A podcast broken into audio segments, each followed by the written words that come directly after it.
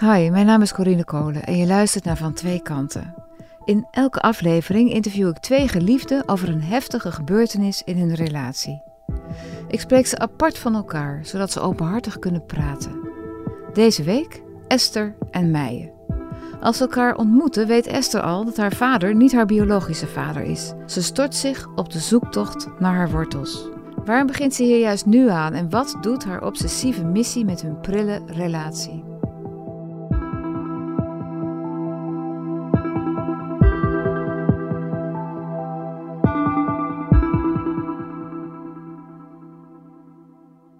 Ik heb haar voor het eerst gezien, althans een foto van haar uh, op, uh, op Tinder. En uh, voor het eerst echt ontmoet op Schokland. Dat is bijna vijf jaar geleden. We hadden afgesproken op Schokland. Dat is in de Noordoostpolder. Er is een expositie daar. Die zijn we met z'n tweeën gaan lopen. En daar was op een gegeven moment een bankje. En dan kon je een filmpje kijken. En toen zaten we eigenlijk heel dicht naast elkaar op dat bankje. En toen ben ik gewoon... Ik heb eigenlijk dat filmpje niet gekeken, maar vooral gevoeld van... Ja, hoe voelt dit? Oh, dit voelt best wel lekker. Maar we hebben helemaal niks van dat filmpje. Tenminste, ik heb niks van dat filmpje meegekregen eigenlijk. Ik zat daar voortdurend maar te checken van hoe is dit hier met haar. En uh, vind ik het nu jammer dat ze weggaat of is het goed? En uh, kortom, allemaal van dat soort uh, dingen die dan in je hoofd voorbij schieten. En op een gegeven moment keek hij me aan en, en heeft, hij me, heeft hij mijn gezicht vastgepakt. En ja, toen, toen gebeurde er iets. En hij, hij benoemde dat ook. Hij zei ook van, er gebeurt iets. Wat gebeurde er? Uh, ik denk dat de vonk oversprong. Als ze dan kwam, dan had ik uh, de lekkerste Otto Lengi recepten uitgezocht. En nou ja, je weet uh, dat Otto Lengi heeft de raarste ingrediënten in zijn gerecht. En die zijn in Friesland bijna niet te vinden. Dus ik deed wel ontzettend mijn best. En mooie wijntjes uitgezocht en, en van alles nou ja, voorbereid, zeg maar, om er samen gewoon een hele genoeglijke tijd van te maken. Uh, ja, comfortabel. Ik denk dat dat het woord is. Is dat waar je naar op zoek bent in, in, in liefde? Comfort? Ja, ik denk dat dat wel. Ik, ik, ik, ik, ik, ik heb best wat onrust in me.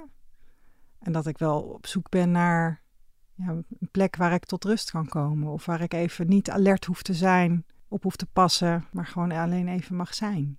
Waar komt die onrust vandaan? Dat is de aard van het beestje. Dat is denk ik een deel uh, DNA. Uh, maar dat heeft ook wel te maken met, met uh, um, mijn opvoeding, mijn jeugd. Um, en het feit dat ik uh, heel lang niet geweten heb wie mijn vader is. Ja, mijn ouders zijn gescheiden. En dat is best wel een vechtscheiding geweest. ik was toen elf. Ik denk dat ze vanaf mijn achttiende voorzichtig weer contact hadden. En ik was dus inmiddels 28, dus mijn ouders waren al heel lang uit elkaar. En ik weet niet goed wat er gebeurde, maar ik, ik, ik, ik merkte aan mijn ouders, dat, aan mijn vader merkte ik dat er iets aan de hand was. En mijn moeder nodigde mij op een gegeven moment uit. Dus ik had een afspraak met mijn moeder en ik kwam aanlopen. En toen zag ik mijn vader daar op de bank zitten. Nou, dat was een beetje een gekke gewaarwording, want die mensen hadden dus oorlog gehad. Waren in ieder geval daarna geen vriendjes meer geworden. Uh, maar blijkbaar wilden zij mij dus samen spreken. Dus mijn vader zat daar op de bank en um, ik, heb, uh, ik ben gaan zitten. Ze moesten met me praten. Had je enig idee waar het over zou gaan? Nee, nee, totaal niet. En wat zei hij toen? Of wie zei wat? Ik ben niet je biologische vader. En hoe was dat voor jou? De grond zakte onder mijn voeten vandaan. Dat is echt. Um, ja, dit is basisinformatie. Wie is je vader? Wie is je moeder? En, en, en dat klopt dus niet. Dat, dat, dat is, ja, dat, dat, daar hebben ze over gelogen. In het begin uh, was zij wel, naar mijn heel erg bezig met dat verdringen, of dat weghouden. Omdat de gesprekken daarover moeizaam waren. En uh, Esther, Esther is heel uh, emotioneel. En um, ik kon daarin merken dat ze die emotie die zich daarbij voelde, dat ze die niet toeliet. Maar ik ben later wel boos geworden, ja. Wanneer? Hoeveel later? Dat heeft wel eventjes geduurd. Ik heb eerst um, eigenlijk wel genoten van het verhaal dat zij heel graag kindertjes wilden. En hoeveel moeite ze daarvoor gedaan hebben. En hoe blij ze waren dat ik uiteindelijk kwam. Uh, daar heb ik me lang in kunnen wentelen wel. En langzaamaan ik, ik, kreeg ik ook zo'n gevoel in mijn onderbuik van dit klopt niet. En ik heb in het begin ehm, heb ik uit hele grote loyaliteit naar mijn vader gehandeld. Ik ging mijn vader bewijzen dat het niet uitmaakte. En nu achteraf, weet je, bijna twintig jaar later, denk ik, ja, dat is eigenlijk een beetje omgekeerde wereld. Zij hadden mij moeten vertellen dat het niet uitmaakte. Ik hoefde hun niet gerust te stellen. Weet je, ik was degene die gerustgesteld moest worden. Meijer zei tegen mij van joh, maar uh, als, je wil, als je wil weten wie het is, dan zou ik nu maar eens op zoek gaan. Dan kun je ook gewoon een rekensommetje maken. En dan weten dat als je nog succesvol zou willen zoeken, op, en, dat je nog een levend persoon vindt, moet je wel nu beginnen. En, en voor mij is, is dat wel een soort moment geweest zei, nou oké, dan, dan, dat moet ook nu. Maar die gedachte was natuurlijk al veel eerder een keer in je hoofd opgekomen. Ja, maar dat was eigenlijk in het gesprek met mijn ouders, waarin verteld werd dat mijn vader mijn vader niet is, werd al verteld van, joh, ga niet op zoek, heeft geen zin, die man was anoniem, dat ga je nooit vinden. Um, in 2011 kwam er een DNA-databank voor donoren en donorkinderen. Daar heb ik me toen ingeschreven. Vol hoop naar de brievenbus zitten kijken of er wat zou komen en er kwam niks. Um, dus ik had de hoop een beetje opgegeven dat ik, dat ik hem zou kunnen vinden. Ik heb uh, uh, eigenlijk toen ik, toen ik die zoektocht startte, toen ben ik ook in contact gekomen met andere donorkinderen via Stichting Donorkind. Die hebben een lotgenotengroep en daarin ontmoette ik een aantal meiden. We, waren allemaal een beetje bozig. Uh, dus we hadden dezelfde opvattingen over donorconceptie, waren we niet zo fan van, want we waren niet zo heel gelukkig met ons eigen ontstaan, zeg maar, onze eigen ontstaansgeschiedenis. En wij kwamen erachter dat, je, dat ze in Amerika met behulp van commerciële DNA-testen familie opsporen. En dan hoeft dus niet je directe familie getest te hebben, maar als er een achter-achter-achterneef van je donorvader getest heeft, dan kun je achterhalen wie je donorvader is. En um, we hebben de Donor Detectives opgericht. Een stichting waarmee we mensen uh, helpen om hun vader te vinden. En, uh, en we zijn ook allemaal voor onszelf hard op zoek gegaan. Wat betekent het voor jou dat ze ging zoeken? Wat was uh, voor jullie relatie de consequentie daar? je zou kunnen zeggen, dat, dat, ook dat wist ik toen nog niet zo goed. maar dat als Esther ergens aan begint, dan begint ze ook wel ergens aan. En ja, dat was soms wel heel tijdrovend. Voor haar in de eerste plaats. Ik heb mezelf getest en ik heb mijn moeder getest. En dat betekent dat ik kon zien welke DNA-matches ik met haar deelde. Ik kon dus ook zien welke DNA-matches ik niet met haar deelde. En je hebt de helft van je DNA van je vader en de helft van je moeder. En dat, wat ik dus niet met haar deelde, dat waren DNA-matches van vaders kant. Dat was dus familie van mijn vader. En um, door van die matches aan vaders kant stambomen te bouwen, Um, als je dan een aantal generaties teruggaat, dan ga je dezelfde namen tegenkomen. En dan, ga, dan, dan kun je, je kunt soms ook zien dat matches aan elkaar verwant zijn. En door die stambomen te bouwen, kun je op een gegeven moment op een punt komen waar de stambomen van verschillende matches bij elkaar komen. Die hebben dan een gezamenlijke voorouder. Dat is dan ook familie van mij. En zo kwam ik op een gegeven moment bij een echtpaar uit, rond 1800. En dat echtpaar, daar, daar kon ik heel veel DNA-matches op verschillende manieren aan verbinden. Dus verschillende nazaten van hun, uh, uh, daar deelde ik DNA mee. En toen ben ik van die mensen ben ik de stamboom gaan bouwen. Nou, als je in 1800 zit, dat is echt een rot eind terug. En die mensen die krijgen 16 kinderen, 20 kinderen. Uh, die trouwen drie keer, weet je. Dus dat is, dat, dat is een enorme boom geworden van ruim 5000 mensen. En op een gegeven moment dan kom je in het nu ja, Esther heeft wel periodes gehad dat ze, uh, naar mijn oordeel, obsessief aan het zoeken was. Ja, in, die, uh, in de fase waarin ze haar uh, stamboom aan het eh, bouwen is. Een ongelofelijke energie en focus om, om daar stappen in te zetten. Ja, dat is echt bewonderenswaardig. Hij is ook mijn geweten geweest, want ik kan een behoorlijke focus hebben. En dat betekent op het moment dat ik ging zoeken en ging stambomen, dat dat hele stambomen, dat kan al aardig verslavend zijn. Um, maar ja, ik ook nog eens met mijn focus, weet je, dat als ik dus met mijn zoektocht bezig was, dan hoorde ik eigenlijk niets of niemand. Dus hij is, hij is mijn steun en toeverlaat geweest en heeft gezegd, ga maar. Maar heeft me ook wel uh, tot de orde geroepen omdat ik zo hard aan het zoeken was ik had wel last van dat dat soms ten koste ging van aandacht die ze uh, had voor mij. Alleen, weet je, wij leefden uh, eigenlijk tot en met de dag van vandaag nog uh, apart van elkaar. Dus er zijn ook heel veel van die momenten dat ze dat deed, eh, dat ik er niet was. En dan zag ik aan dat laatste appje, bij wijze van spreken, van nou, het is, nu, het is nu half drie geworden, ik ga toch maar weer naar bed. Toen dacht ik, ja, ja, natuurlijk, die is natuurlijk weer aan het zoeken geweest. Ik begon op een gegeven moment een beetje uh, trekjes te vertonen van actievoerder. Ik, ging, uh, ik was ook ja, geregeld in de pers ehm, voor Stichting Donorkind en voor de Donor Detectives. Ik zat op het ministerie, want het moest allemaal beter geregeld voor donorkinderen.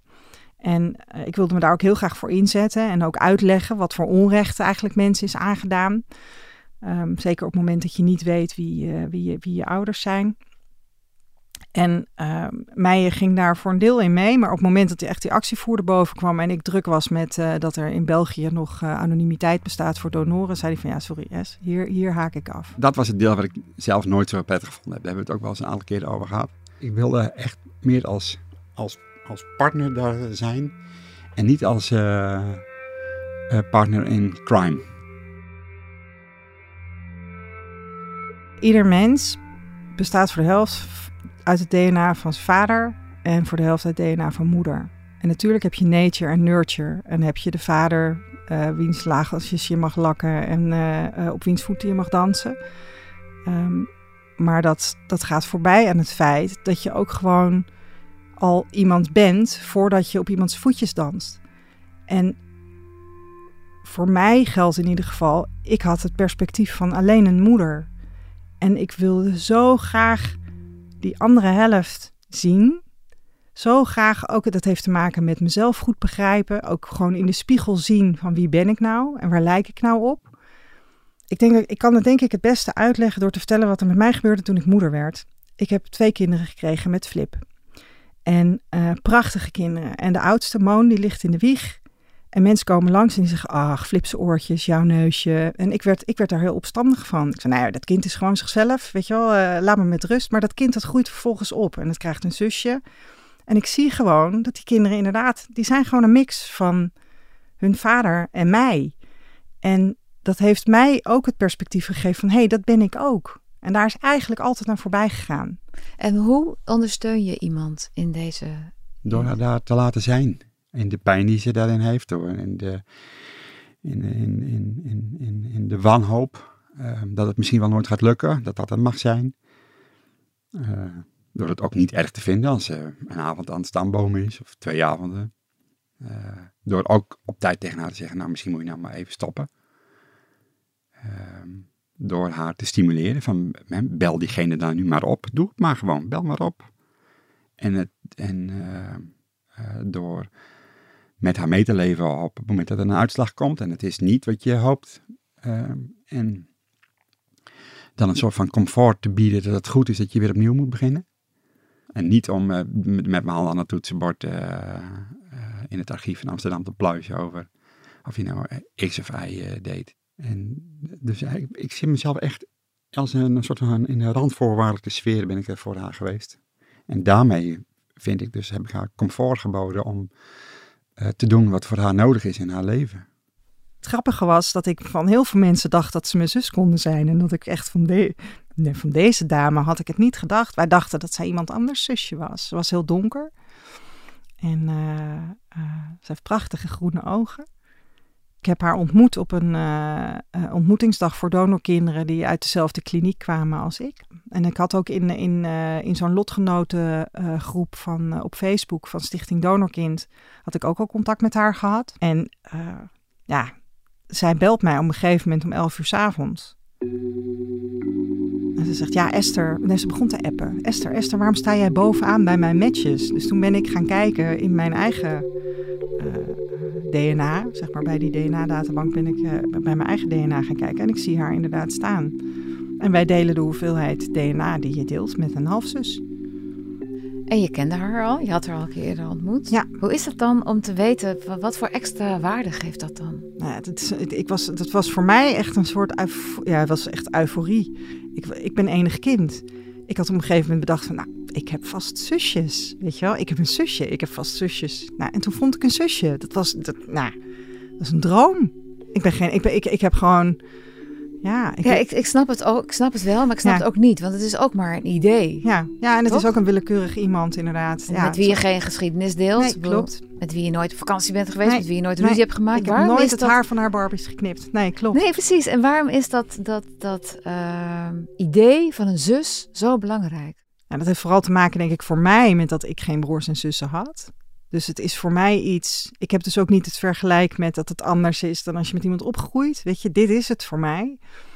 En, en het is gewoon ook een kind van mijn vader. Dat je dat niet hoeft af te vragen, wat je herkomst is. Dat is zo'n belangrijk goed. En dat merk je dus pas op het moment dat je dat niet weet. Dat je dat, dat, dat fundament ontbreekt. Dus welke rol je vader speelt, dat weet je eigenlijk niet. Totdat je het ziet bij een ander die het mist. En ik weet niet hoe ik op dat gemis zou reageren. Dus, dus vanuit dat perspectief weet ik het niet precies. Alleen ik wel dat mijn vader een soort van eh, baken is. Hij is er. En hij is mijn vader. Ik kan me erin herkennen en ook in dingen niet. Ik kan me eraan ergeren. Eh, ik kan er heel erg blij mee zijn. Ik kan alles doen met mijn vader wat ik zou willen, omdat ik weet wie het is. En Esther kan niks. Kon niks met haar vader, want ze wist helemaal niks. Nou, dat is een groot gat tussen alles weten en alles kunnen en helemaal niks. Zien jullie elkaar nu ook als zussen of niet? Ja. Ja? Ja, en we hadden een maand later hadden we er nog één bij. En we zijn nu met elf. Wauw. Dus het gaat als een dolle. Elf zussen. Nee, we zijn met zes zussen en vijf broers. Wat ik vooral voel is, ehm, ik vind het allemaal echt hele leuke mensen. En het is, het is echt een zoektocht naar van, ja, wat delen wij nou? En dat is natuurlijk ook het gekke, weet je, als je met elkaar in een gezin opgroeit, dan denk je niet na over van hoe geven wij deze relatie vorm. Dat doen wij wel. En iedereen kan voor zichzelf beslissen van, nou, ik ga heel actief contact met jullie onderhouden. Of, nou ja, ik vind het wel best zo en ik vind het leuk om te horen hoe het gaat, weet je. En, en, en, en, alle, ja, en er kan ook iemand komen straks die zegt van, nou ja, ik heb hier helemaal geen behoefte aan. Dat kan allemaal. Dat maakt het ook gek en soms een beetje onveilig. Omdat je niet weet als er iemand bij komt van, ja, wil die mij wel? Weet je, wat, wat, wat, wat, dat vond ik heel spannend. Esther heeft een, een, een, ding met eh, afwijzing. Vindt het moeilijk om eh, nee te horen of om afgewezen te worden. En ik, ik denk dat haar geschiedenis en haar jeugd en ook misschien ook wel deze manier van ontstaan daar ook wel een, een rol in speelt. En ondanks die angst, ook voor afwijzing, ging zij toch op cruciale momenten in haar zoektocht naar mensen toe. Met de vraag van, nou ja, luister, ik, ik stuit hier op en het zou wel eens zo kunnen zijn dat jij mij eh, eh, verder kunt helpen met die zoektocht. En dat heeft ze altijd op zo'n manier gedaan, eh, dat iedereen die, ze, die haar pad gekruist heeft, heeft haar ook gewoon geholpen. Ik kwam op een gegeven moment op een punt in mijn zoektocht. Ik kwam niet verder. Ehm, ik wist bij welke voorouders ik moest zijn. Ik had het echtpaar in rond 1800 gevonden, maar ik wist inmiddels ook bij wie van hun kinderen ik moest zijn. En die mensen hadden acht kinderen. En ik ben van die acht kinderen, dus acht takken in de boom, ben ik levende eh, eh, nazaten gaan zoeken samen met mijn eh, goede zoekvriend Ivo. En eh, ehm, ik ben mensen gaan testen. Ik, ben, ik heb contact opgenomen. Mijn naam is Esther. Dit is mijn verhaal. Ik, ik, En dan ga je met een watstaafje mondslijm ga je dat, broers en zussen gevraagd van willen jullie alsjeblieft meebetalen? Iedereen 25 euro gestort. Ik een paar testjes kopen. Eh, ik had daarbij een beetje het idee dat zij dacht van ja, dat is ons gekke zusje die denkt dat ze hem gaat vinden. Maar goed, laten we maar meebetalen. Dat is wel zo leuk voor haar. En op een gegeven moment beland ik dus bij mensen, eh, bij eh, Martijn en Linda. En toen was ik daar en toen ze hadden taart. Dat was echt fantastisch. Ik heb me nog nooit zo welkom gevoeld bij wildvreemde mensen. Martijn zei van ja, ik kan me niet voorstellen dat het, dat het mijn vader zou zijn. Hè? Dus dat het bij ons in de, in de tak zit. En mijn vader heeft geen broers en zussen. Maar hier, dit zijn fotoboeken van de familie. En dit is mijn vader. Nou moet je weten dat eh, ik een... ehm, eh, dat, dat, dat het eerste zusje mij vertelde van ja, ik heb het syndroom van Marfan. En dat, dat, dat komt niet van moederskant. En dat kan Wat is een- dat? dat is een bindweefselaandoening. Ehm, en die, die kan spontaan ontstaan. Dat is een mutatie, gewoon een krasje op je DNA. Eh, die kan spontaan ontstaan, maar ja, die kan je ook van een van je ouders krijgen. Dus die zou van die donor vandaan kunnen komen. Maar dat kun je dus ook gewoon aan iemand zien vaak, dat ze dat hebben. Dus Martijn zit daar met het, met, en Linda zitten daar met fotoboeken. En eh, kijk, dit is mijn vader. En er staat gewoon een man met Marfan. Op de foto waar zag jij dat aan? eh, lange ledematen. En het was gewoon precies mijn broer Peter. Stond, mijn broer Peter stond op de foto. Was echt bizar. En toen gingen we verder bladeren. En toen stonden er kinderfoto's van hem. Dat waren de kinderen van Saskia. Gewoon mijn nichtjes. Gewoon precies.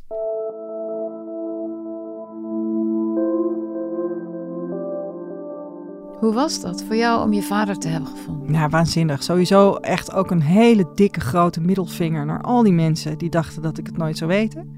En, ehm, en, en ja, weet je, dit, is gewoon, dit, dit was gewoon het antwoord op, op een hele grote vraag.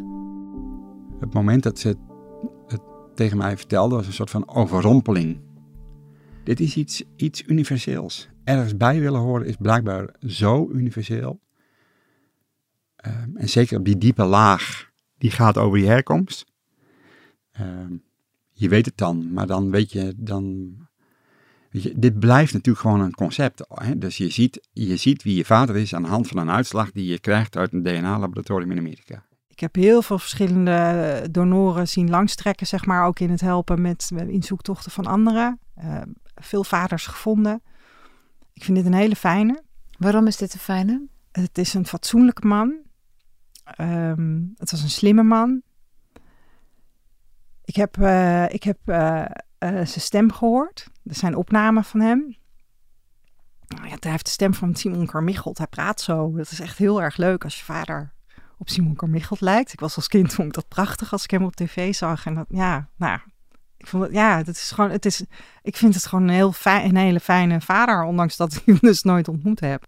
Waar je naar op zoek was, was uh, je herkomst. En je zou heel graag willen weten hoe die, hoe die was geweest, zeg maar, in die interactie met jou.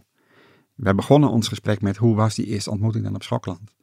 En dat je dan heel veel weet eigenlijk al van elkaar, maar dat het, dat het pas echt weten wordt op het moment dat je elkaar ziet, voelt.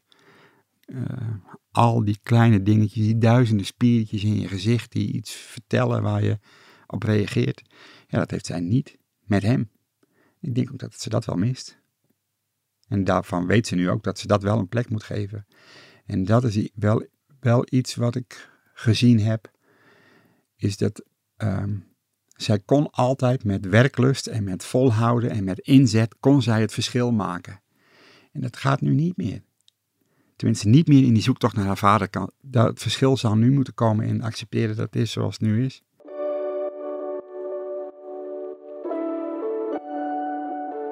Het feit dat je hem ontmoet hebt en het feit dat hij jou die comfort gaf, maakte dat ook voor jou makkelijker om die zoektocht te doen?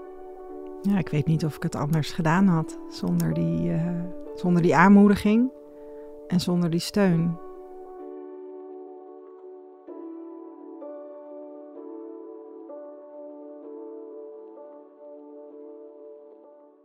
Het feit dat je je fundament op orde is, hoe, uh, hoe hè, het is wel echt een ruïne bij haar, hè, tenminste dat vadersdeel. Um, maar dat dat fundament op orde is, ik denk dat dat voor een hele hoop mensen wel een belangrijke randvoorwaarde is om gewoon, uh, ja, een bepaalde manier in het leven te kunnen staan.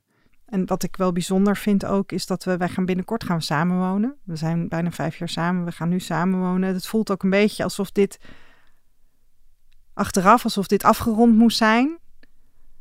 En dat ik nu verder kan. En dat we nu bij elkaar kunnen komen en uh, samen een leven kunnen, kunnen opbouwen. Dat het niet toevallig is dat dat allemaal nu zo in deze volgorde gebeurt. Je luisterde naar het verhaal van Esther en Meijen. Als je onze podcast mooi vindt, dan help je ons enorm door hem aan te raden aan je vrienden of een recensie achter te laten. Je kan ook direct reageren op dit verhaal of jezelf aanmelden om je eigen verhaal te delen. En dat kan via vantweekanten.volkskrant.nl. Mijn naam is Corine Kolen. Ik maak deze podcast samen met Simone Eleveld. De research is van Marijke Jonker Schouten. De editing is gedaan door Lisette Spiegeler. En de eindredactie was van Corinne van Duin. De begin- en eindtune is van Lula 13. Bedankt voor het luisteren.